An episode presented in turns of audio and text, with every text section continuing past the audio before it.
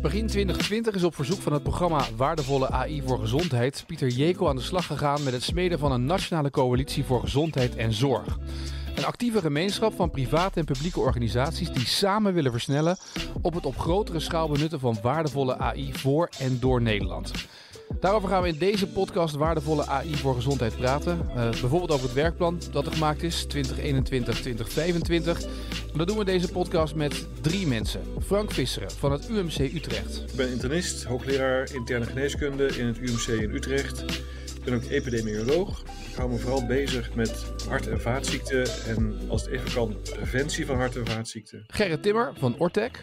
Sinds een aantal jaren ben ik daar uh, de leider, trekker van onze business unit Health. Uh, los daarvan altijd op de universiteit ook een klein deel van de tijd gewerkt waar ik hoogleraar bedrijfseconometrie was, wat ook heel dicht tegen AI aan En Ildiko Vaida van de Patiëntenfederatie. En daar hou ik me bezig met uh, onder andere persoonlijke gezondheidsomgevingen, gegevensuitwisseling in de zorg in samenwerking met het informatieberaad en, uh, en met AI. Waardevolle AI voor Gezondheid is een podcastserie. Wil je geen aflevering missen? Vergeet je dan niet te abonneren via jouw favoriete podcastplatform.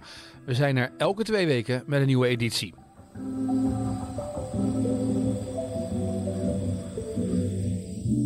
Nou gaan we in deze podcast praten uh, over de NL-AI-coalitie. De bedoeling daarvan natuurlijk is, of hopen, dat, dat daardoor partijen sneller gaan samenwerken, et cetera.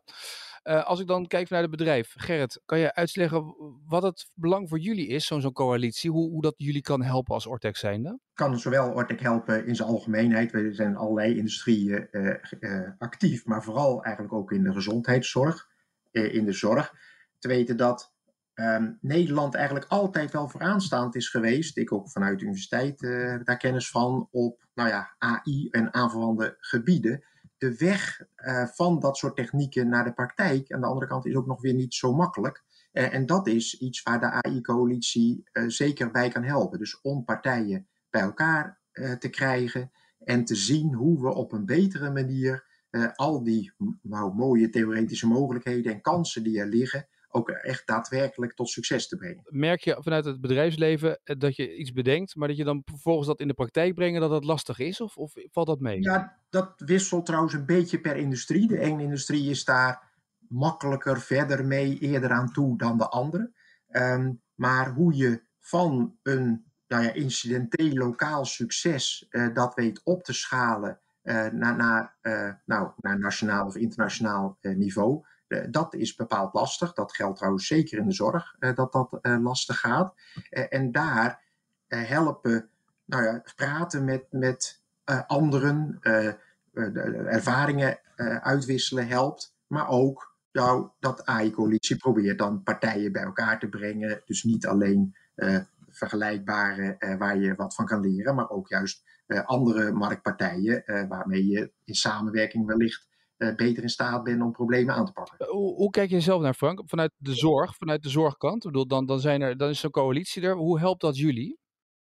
Nou ja, kijk, AI is in de zorg, in de spreekkamer, uh, toch nog best uh, niet zo heel veel gebruikt eigenlijk. Wij gebruiken als dokters bij de behandeling, directe behandeling van patiënten, echte AI nog maar heel weinig. Als je het vergelijkt met, nou, het moment dat ik het ziekenhuis uitstap, dan kom ik overal AI tegen, maar in het ziekenhuis zelf eigenlijk nog betrekkelijk weinig. En nu is het toch zo dat die zorg is toenemend complex aan het worden. We moeten allerlei behandelbeslissingen nemen. En dat kan je eigenlijk ja, steeds minder goed zonder beslisondersteuning. Dus je hebt AI nodig om bij individuele patiënten verstandige beslissingen te nemen. En dat is iets wat we ja, steeds meer moeten gaan doen. En, dat, uh, en ja, daar, daar kan zo'n AI-coalitie uh, helpen om alle hobbels die er zijn, uh, om die te helpen overwinnen. Ja, en helpt het dan ook dat je dat doet door niet alleen binnen de eigen sector te werken, maar ook daarbuiten? Ja, kijk, ik, ik, ik ben ook vooral heel erg onderzoeker. Hè. Dus wij ontwikkelen allerlei dingen. Wij ontwikkelen bijvoorbeeld allerlei algoritmes. Uh, en die kan je heel goed gebruiken in de spreekkamer om verstandige behandelbeslissingen te nemen bij individuele patiënten. Maar de implementatie daarvan, dat vraagt hele andere dingen. En daar ben ik als, nou, als dokter al helemaal niet, maar ook als onderzoeker, uh, ik helemaal niet op, op, op toegerust om dat goed te kunnen doen. En dan is juist de samenwerking met allerlei partijen, ook partijen waar ik nog nooit van had gehoord of waar, waar ik het bestaan niet van wist, Ja, dat is super, super belangrijk. We, we, we werkten met Ortec al samen en dat, dat gaf al heel veel nieuwe inzichten en mogelijkheden. Maar we zijn ook achtergekomen in die samenwerking ook dat we nog heel veel andere partijen nodig hebben om dit tot een succes te maken. Ildiko, als je kijkt naar de, de patiëntenfederatie, hoe passen jullie in zo'n coalitie? Wat is het belang voor jullie om daarin te zitten en aan deel te nemen? Voor ons zijn een aantal dingen heel belangrijk. Nou, allereerst kunnen we ook uh, um, het belang van uh, patiëntenparticipatie en burgerparticipatie uh, brengen als, als een waardevolle input. Um, daarnaast is het zo dat nou ja, nog, nog al te vaak natuurlijk patiënten en burgers nou ja, vergeten zijn in AI-trajecten. Dat ze niet meegenomen worden. Dus dat, dat, kunnen we aankaarten. En gelukkig is dat zo dat dat steeds meer gebeurt. Dat zagen we ook in, uh, in de nulmeting. Iets van 67% van, van die AI-toepassingen of die, die contactpersonen gaven aan dat, um, dat patiëntenparticipatie op een of andere manier uh, gebeurd is. Maar voor ons is belangrijk dat, dat, dat we ook leren van, van deze community. Want um, nou ja, daar waar bijvoorbeeld bij klinische richtlijnen of bij, bij vragenlijsten, uh, waar we wel heel veel ervaring hebben, ook met patiëntenparticipatie, hebben we dat nog niet bij AI. Dat is toch een andere tak van sport. Um, en op die manier is het goed om, om mensen, uh, met mensen te spreken, uh, met data scientists, met ethici, met juristen. En samen op die manier proberen we patiëntenparticipatie vorm te geven. Er is voor de NL-AI-coalitie een werkplan opgesteld. Dat loopt tot 2025. En in de afgelopen maanden is er vanuit verschillende themagroepen samen opgetrokken in het helpen aan een aantal geselecteerde use cases. Een van die use cases is YouPrevent. Daarover straks meer. Eerst eens naar die themagroepen. Wat houden die themagroepen nou precies in? Uh, de werkgroep Gezondheid en Zorg uh, die bestaat uit verschillende teams of uh, themagroepen. Op dit moment zijn het er zes. Misschien kan ik ze even kort noemen. Uh, databeschikbaarheid. Uh, nou ja, die houdt zich bezig met, uh, wat de naam al zegt, de beschikbaarheid van data. Maar ook om, om die belemmeringen weg te nemen. Um, toegang tot data te krijgen. Um, dan is er themagroep implementatie. Um, die is voornamelijk bezig om in ziekenhuizen op dit moment AI-tools nou ja, te laten landen met behulp van verschillende uh, tools zoals een readiness scan, scan en beoordelingsinstrument, leidraad en dergelijke. Dan is er um, themagroep leefstijl en preventie met focus op AI-toepassingen uh, ten behoeve van gezonde leven. Internationaal is uh, de vierde themagroep. Um, die is de linking pin naar de EU en naar de omringende landen uh, wat daar gebeurt. Ecosystemen matchmaking spreekt ook voor zich, denk ik, uh, om stakeholders uh, met elkaar in contact te brengen. En dan zijn wij, zeg maar mijn themagroep, dat is burger- en patiëntenparticipatie. En dit allemaal is, is, um, werkt samen met die zogenaamde horizontale werkgroepen. Dat zijn de bouwstenen die eigenlijk sector overstijgende uh, zijn. Dus niet alleen voor gezondheid en zorg, maar ook voor de andere toepassingsgebieden zoals cultuur en defensie. Maar het klinkt ook als, alsof er heel veel um, groepjes zijn en themagroepen zijn, alsof er heel veel wordt vergaderd. En dan ben ik ook benieuwd, uh, Frank Visseren, komt er dan ook veel uit zodat er concreet uh, naar actie kan worden overgegaan? Nou, wij, wij, houden ons vooral nu bezig met de implementatie van een YouPrevent tool waarmee we verstandige behandelbeslissingen willen proberen te nemen bij patiënten met een hoog risico op krijgen van hart- en vaatziekten, mensen met diabetes, mensen die al een keer hart- en vaatziekten hebben gehad. Uh, en dat is gewoon een hele concrete toepassing waar heel veel wetenschappelijk werk al uh, verzet is. En wat gewoon klaar is om in de praktijk nu gebruikt te gaan worden, toegepast gaan worden. En wat we nu zien met die AI-coalitie is dat we die, uh, die hobbels die we tegenkomen onderweg, uh, bijvoorbeeld als het gaat over wetgeving, als het gaat over uh, security van data, um, ja, dat, dat, dat, daar moet zo'n coalitie een, een, prachtige rol gaan spelen. En dat is gewoon een heel concreet product waar we nu met z'n allen aan het werk zijn. Ja, en hoe um, verhoudt zich dat dan bijvoorbeeld van ziekenhuizen naar huisartsen? Wordt dat ook makkelijker om dat met elkaar te combineren in zo'n AI-coalitie? Nou, kijk, wat bijvoorbeeld bij de UPrevent toepassing is, dat is, dat is iets wat inderdaad in ziekenhuizen een plek heeft in de spreekkamer, maar ook uitdrukkelijk ook bij de huisarts.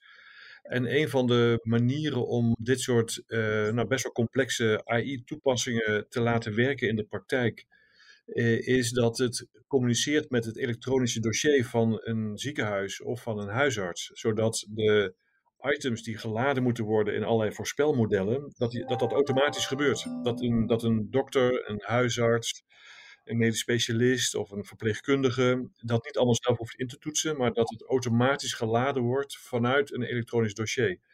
En dan wordt zo'n huisarts of medisch specialist of verpleegkundige wordt dan eigenlijk ondersteund uh, bij het nemen van beslissingen samen met een patiënt. En omdat je dan een patiëntspecifieke, in ons geval dan voorspellingen krijgt van risico en ook effect van behandeling, dan kunnen we voor iedereen nu uitrekenen wat het effect is van cholesterolverlaging, van bloeddrukverlaging. Dat is natuurlijk niet voor iedereen hetzelfde.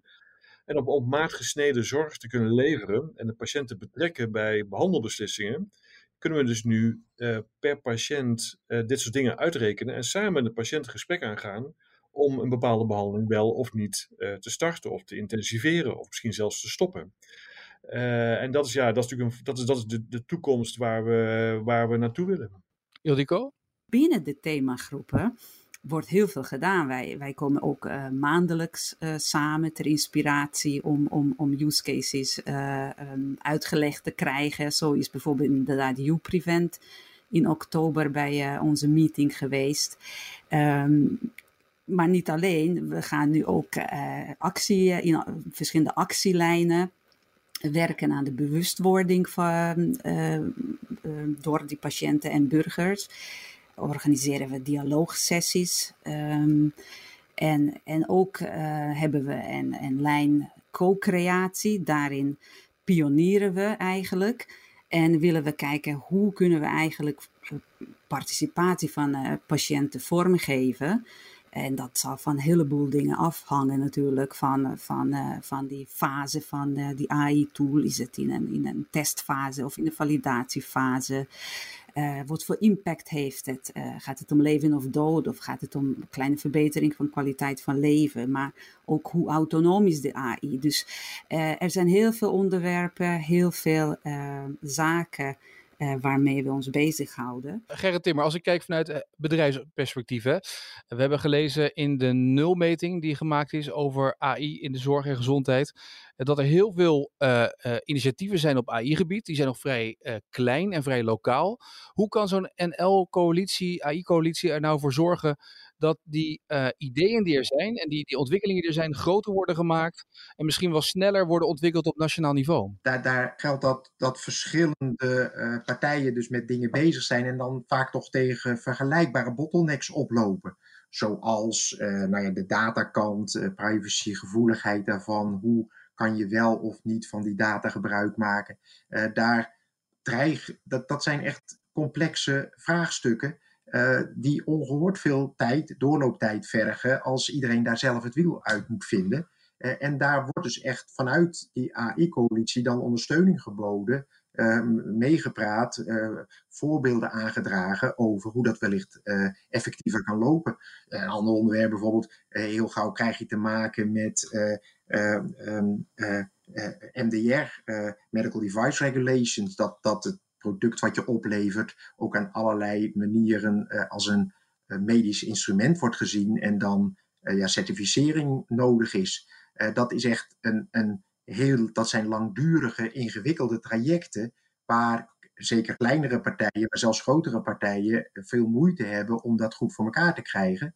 En de AI-coalitie dan dus kan ja, handvaten kan geven van hoe, hoe je daar wellicht nog het snelste door de bomen het bos weer gaat zien en, en, en stappen vooruit kan komen. Scheelt het dan ook dat kleine partijen hier een weg in kunnen vinden om bij de grotere bedrijven aan te haken bijvoorbeeld? Uh, concurrentie speelt toch maar heel matig een rol. Eigenlijk is, zijn de, de kansen, de mogelijkheden enorm groot.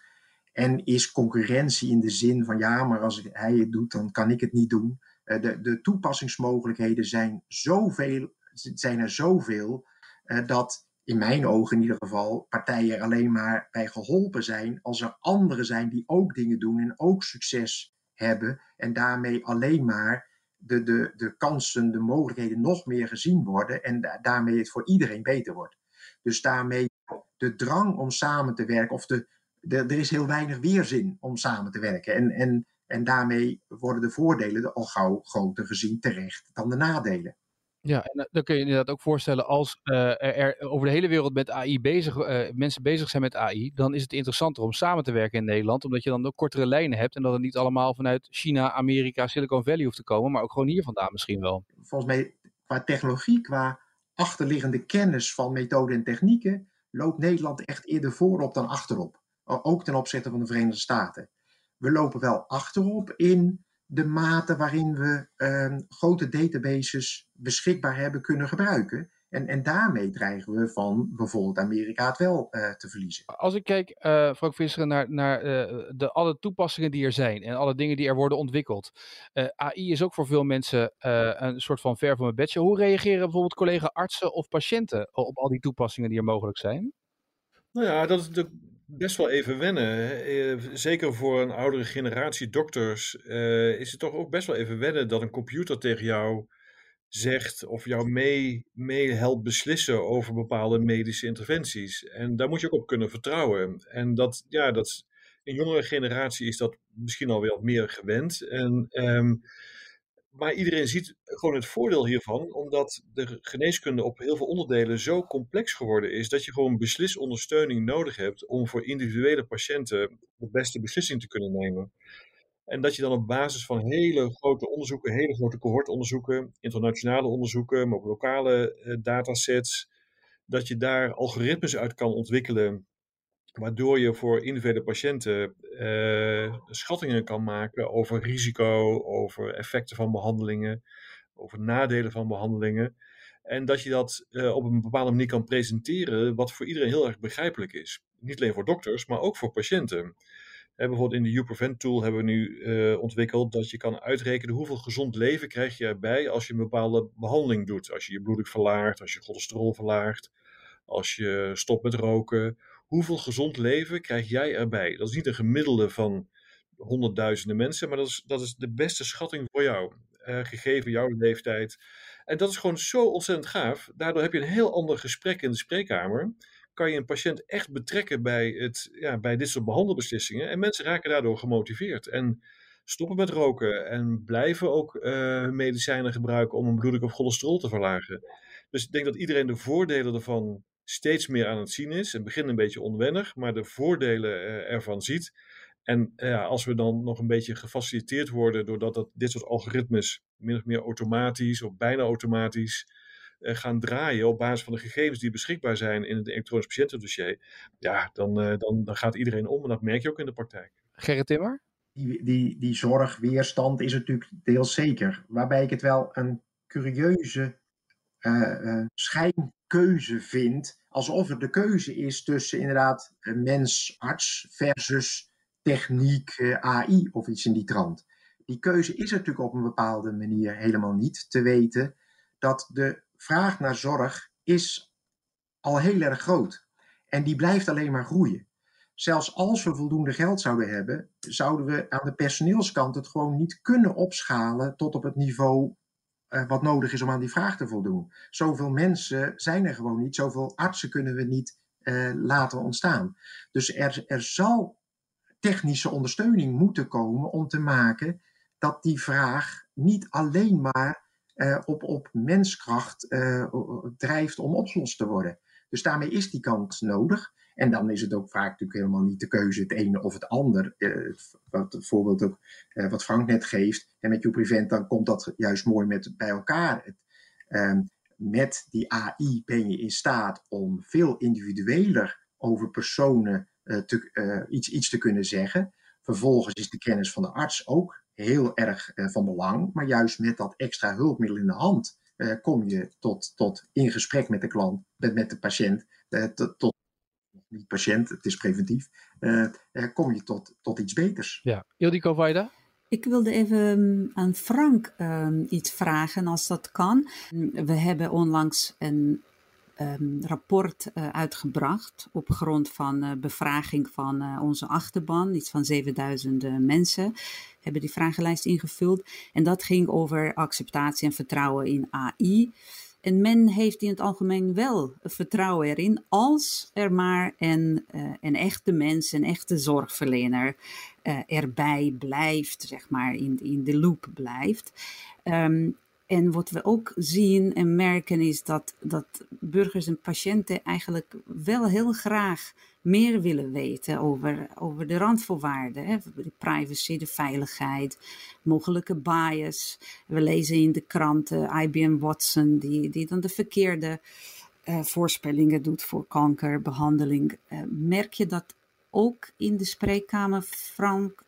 Of, um, of valt het wel mee? Ja, ik, ik, ik, ik herken heel erg wat je zegt. En um, het gaat ook om vertrouwen, het gaat om degelijkheid, uh, het gaat om onafhankelijkheid. En um, die, waar wij voor gekozen hebben in de YouPrevent toepassing is dat we alleen maar dingen daarin stoppen, algoritmes daarin stoppen die uh, wetenschappelijk hun waarde bewezen hebben. Die, uh, die gepubliceerd zijn, die aan, aan peer review blootgesteld zijn, die, die extern gepubliceerd zijn um, in het public domain. En dat vinden we een absolute basisvoorwaarde om dat soort toepassingen dan, dan te gebruiken. We gaan niet zelf maar niet, uh, niet gepubliceerde algoritmes, die worden niet gebruikt hierin. Uh, dus dat is één ding. En dat, dat helpt ook heel erg in het, in het accepteren, zeker aan de dokterskant ook, dat het gewoon wetenschappelijk solide is. Tweede is natuurlijk heel belangrijk dat het in richtlijnen terecht gaat komen. De, de medische beroepsgroep leunt erg op, op, richtlijnen. Als wij met z'n allen beslissen dat een bepaalde manier van werken, een bepaalde behandeling, bepaalde ingrepen, dat dat verstandig is, dat dat goed is, dan komt dat in richtlijnen. En ja, wij als beroepsgroep proberen ons zoveel mogelijk aan die richtlijnen te houden. Dus het is uiteindelijk heel belangrijk dat, dat deze manier van werken ook in richtlijnen een plek krijgt. En daardoor wordt het vertrouwen erin ook alleen maar groter. En de grote uitdaging waar AI denk ik ook voor staat in de zorg, is dat, je, hè, dat het ook een soort zelflerend systeem gaat worden, dat het zich tuned op basis van, van andere ervaringen, eh, waardoor de voorspellingen alleen maar nauwkeuriger worden. En, um, en dat daarmee de kans op fouten uh, ja, gewoon heel klein worden. Wat ook super belangrijk is, is dat het objectief is. Hè? Dat het gewoon, uh, dat er niet ongewenste beïnvloeding is van, van andere partijen. Dat, uh, dat, dat producenten van bepaalde behandelingen of medicijnen of, of, of zorgverzekeraars die alleen maar goedkoop. Of, uh, het, het gaat uiteindelijk om wat is het beste voor een patiënt. Hier raken we wel een gevoelig punt, want een mens mag een fout maken, maar welke gevolgen heeft dat als een arts aan één patiënt iets verkeerd voorspelt? Dat is vervelend voor de arts en voor de patiënt, maar het heeft niet enorme gevolgen. Als AI, zoals bij IBM Watson, een verkeerde voorspelling maakt of een verkeerde prognose geeft, heeft dat niet alleen gevolgen voor één iemand, maar voor meerdere mensen. Dus die afweging, mens of machine, is dat wel gelijkwaardige afweging dan, hoe we daar naar kijken? Gerrit Timmer van Ortec. Dat algoritme heeft een bepaalde achtergrond, is getraind op bepaalde omstandigheden. En um, waarbij ik het ook altijd onaantrekkelijk vind als dat een soort black box wordt waarbij je er maar aan overgeeft. Want het is nooit duidelijk in wat voor omstandigheden die black box eigenlijk getraind is. En wellicht zijn de omstandigheden inmiddels helemaal anders. En, en daarmee is het goed dat uh, een mens toch zo af en toe, en dat hoeft niet per se bij elk uh, consult, of, maar, dat hoeft niet overal, maar die moet wel blijven tunen, loopt het niet uit de hand. Dat gebeurt trouwens, hele, een voorbeeld in een hele andere wereld. In de financiële wereld, als je kijkt hoe er gehandeld wordt op de beurs, dat zijn natuurlijk alleen nog maar computers die handelen. Het, zijn computerprogramma's die uh, van banken onderling uh, transacties doen. En die ook de beslissingen nemen om wel of niet te kopen. Maar daarbij is ook wel, en, en dat werkt best goed. Dus voor de opdrachtgever, uh, die is tevreden in de regel over hoe zijn algoritme dat allemaal doet. Toch is het ook zo dat er soms ontspoort dat en gaan er rare dingen gebeuren. Daarom is ook in het systeem ingebakken dat uh, nou, er zijn dan kenmerken van dat er iets heel raars aan het gebeuren is. Bijvoorbeeld de koers gaat altijd erg op en neer. En ja, dan wordt de boel stilgelegd. Ja, waarom? Om de mensen de mogelijkheid te krijgen na te denken: doet mijn techniek het nog wel? Is mijn algoritme nog wel goed bezig? Of wil ik het nu uitzetten? En ga ik zelf even denken. Dus dat je die reset mogelijkheid hebt, zou ik maar zeggen. In die zin wil je er eigenlijk toch altijd een mens bij houden. Ja, en ik hoor net ook uh, Frank Visseren zeggen, het is heel belangrijk dat het systeem objectief blijft, dat het niet beïnvloed wordt door bedrijven van buitenaf of door zorgverzekeraars. Ildiko, is dat ook een van de punten waar patiënten dus heel erg veel vertrouwen in moeten hebben dat het inderdaad een objectief en neutraal uh, Zeker, en daarom denk ik dat er ook transparantie nodig is op verschillende, in verschillende fasen, op verschillende niveaus. Dus uh, waar komen de data vandaan? Uh, hoe worden ze verzameld? Kan je doen aan dataminimalisatie? Dat echt alleen maar datgene wordt meegenomen in de trainingen die, die echt nodig is. Um, waar gaat die, die data eventueel nog naartoe? Wordt het nog gedeeld? Um, uh, inderdaad, hoe ziet het proces eruit? Wanneer komt er een rode vlag van inderdaad, nu moeten we checken of het nog klopt wat we doen? Um, et cetera, et cetera. Eh, niet ieder patiënt zal dit wel willen weten, maar ik denk dat, dat deze transparantie voor, voor patiënten in de toekomst toch wel ja, steeds belangrijker worden. En is dat een rol die de NLI-coalitie kan spelen daarin? Ik, ik, denk het wel. Ik denk dat juist die processen die we nu nog niet hebben ingericht, dat we die zo inrichten dat, dat, dat dit er gewoon constant erin zit. Uh, bijvoorbeeld wat wij nu doen in die burger- en patiëntenparticipatiegroep, in die co-creatielijn, is juist uh, dus de use cases die we dan tussen aanhalingsteken willen behandelen, zeg maar, uh, ervan leren hoe je daar in welke fase patiëntenparticipatie vormgeeft die gaan we uitvragen. Van, van wat is het doel van, je, van, je, van die AI-toepassing? Is het uh, techniek die op zoek naar een probleem is, of is daar inderdaad een probleem dat, dat opgelost gaat worden? zijn patiënten geraadpleegd? Uh, hoe, hoe, is de dataverzameling, et cetera, et cetera, uh, geweest. Dus dat gaan we nu inrichten. En dan ook stapsgewijs kijken naar waar botsen die waarden, als, die, als daar, daar sprake van is. Bijvoorbeeld nu met U-Prevent gaan we een sessie organiseren. Tenminste, als, als iedere stakeholder daarmee het eens is, om, uh, om workshop begeleidingsethiek uh, te doen. En dat is een, een, een hele mooie manier om, ehm, om met elkaar in gesprek te gaan. Dus de patiënt, die, die, die, die technici, die datawetenschappers, de zorgverleners, juristen, ethici, et cetera. Gerrit, volgens mij wil die reageren hierop. Ja, want die ethische kant die is natuurlijk zeker heel erg van belang. Uh, daarbij geldt trouwens ook wel enige onevenwichtigheid. Hè? Dus dan terecht wordt er gevonden dat als er in dat AI-algoritme een soort vooroordeel ingebakken zit, dat is natuurlijk helemaal fout. Helemaal waar.